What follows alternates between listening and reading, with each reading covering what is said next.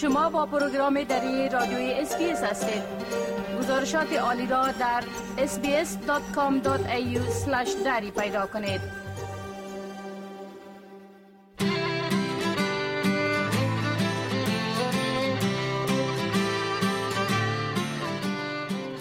به مجموعه گزارش های معلوماتی زندگی در استرالیا خوش آمدید. من مجیب منیب هستم.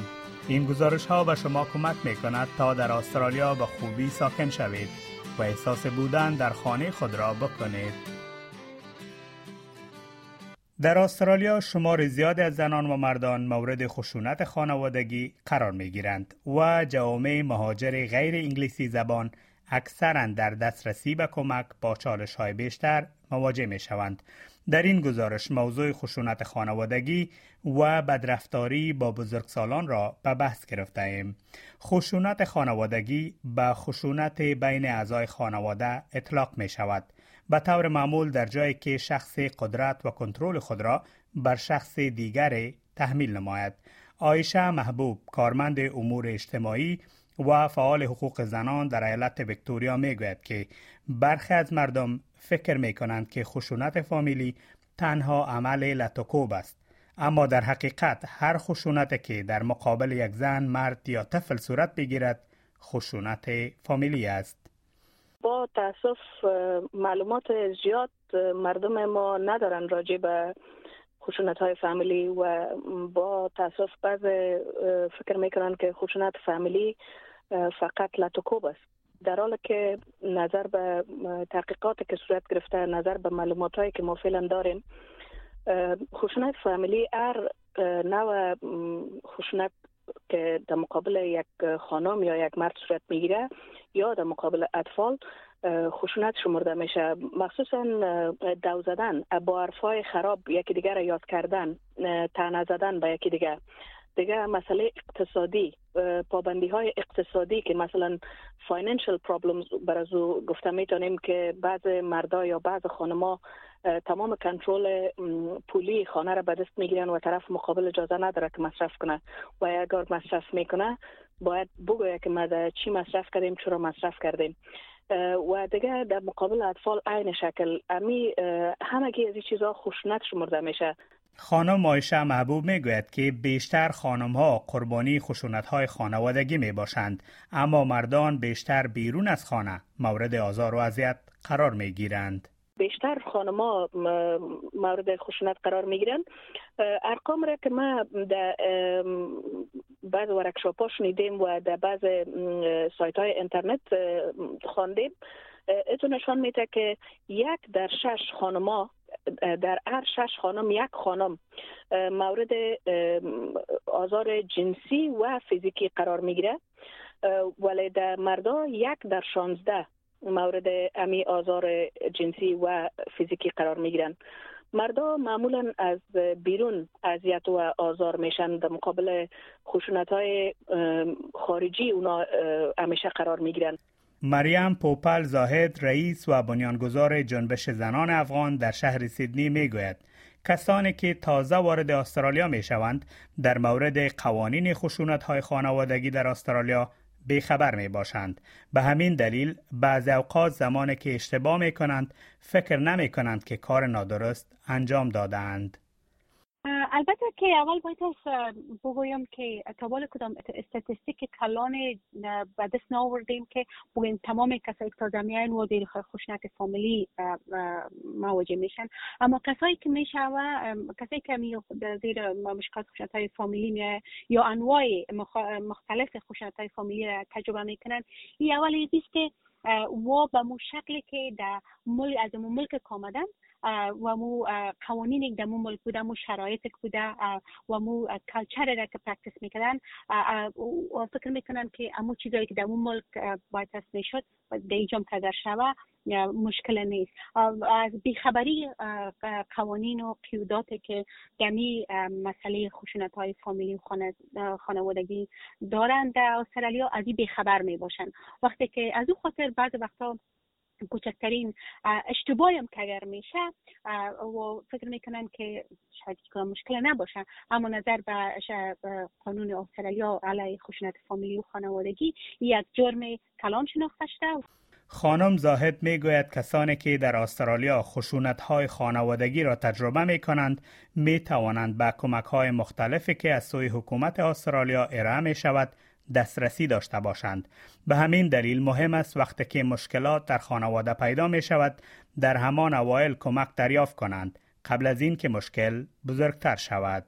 بعضی وقتها بسیاری کسا فکر می‌کنند که خشونت ممکن است فقط یک بار اتفاق بیفتد و او دوباره شاید تکرار نشه. اما بعضی وقتا آدم باید متوجه باشه که بعضی چیزایی که یک بار اگر تجربه شد اگر دربارهش همیق فکر نشد اگر کمک گرفته نشد اونا می‌تونن که زیادتر شوه و مشکلات خانوادگی و فامیلی را زیاد کنن. از این خاطر ما برای خانما و به مردای افغان یا به کسایی که فارسی زبان هستن تشویق می‌کنیم که وقتی که خشونت یا بعضی مشکلاتی که بیایه وقتی که شروع میشه اما وقت بهتر است که کمک بگیرن کمک ها بسیار زیاد هست که خدای از یعنی از مشکلات هایی که کلان بیشتر شود بازگرد پلیس و کوفت اینا برسه اونا را مراقبت شوند. خشونت خانوادگی هر وقت شامل خشونت فیزیکی نیست بلکه اغلب شامل کنترل اجباری نیز می باشد.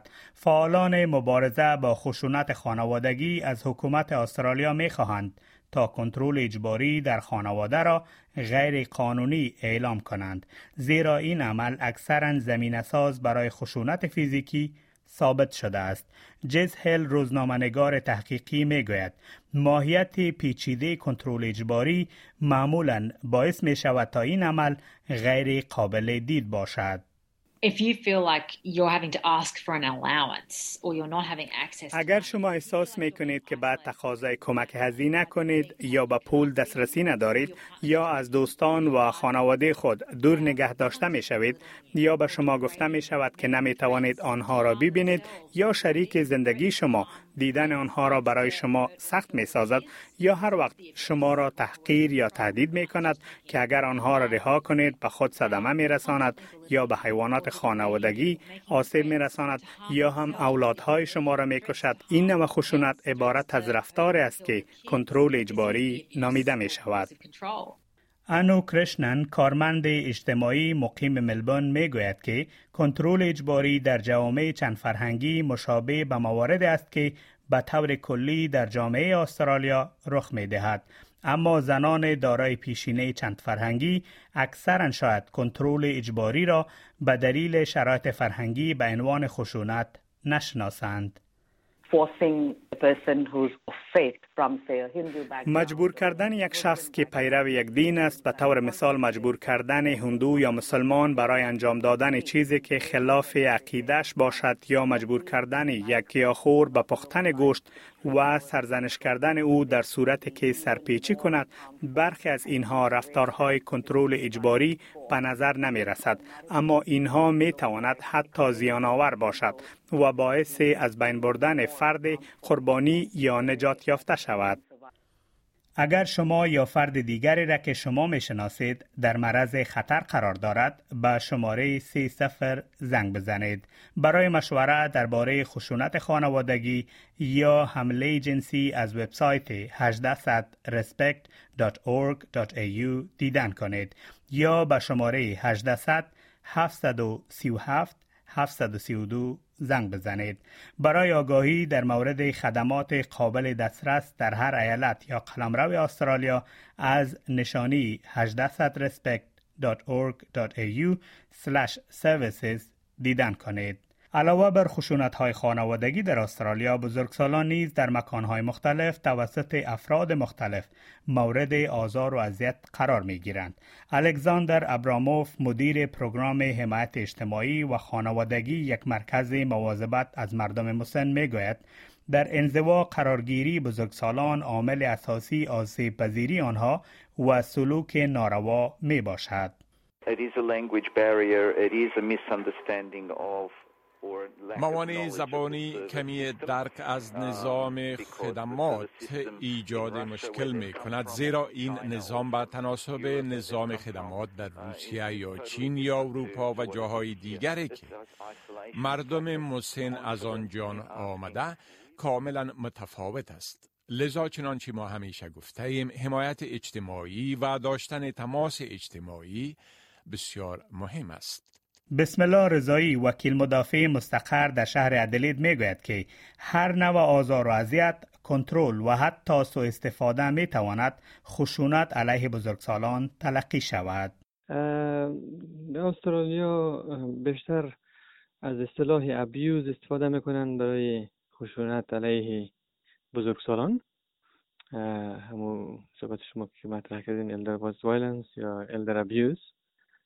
تعریفش است که یعنی هر نوع آزار اذیت و کنترل حتی و سوء استفاده می‌تونه باعث خشونت ترقی شود علیه بزرگسالان. بدرفتاری یا بدسلوکی با بزرگسالان انواع مختلف دارد. در این مورد آقای رضایی می‌گوید. و شکل و اشکال مختلف دارد ولی خب عمده ترینش در رابطه با بزرگسالان مثلا همه انواع خشونت خشونت فیزیکی خشونت عاطفی و احساسی و خشونت مالی.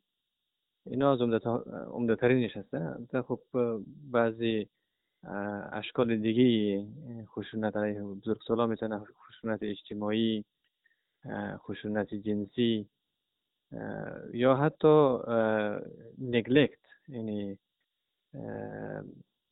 مراقبت نکردن از اونا باعثی می‌تونه تعریف خشونت رو داشته باشد از شما برای شنیدن این گزارش تشکر می کنم. برای گزارش های بیشتر از صفحه sbs.com.au dari life in Australia دیدن کنید.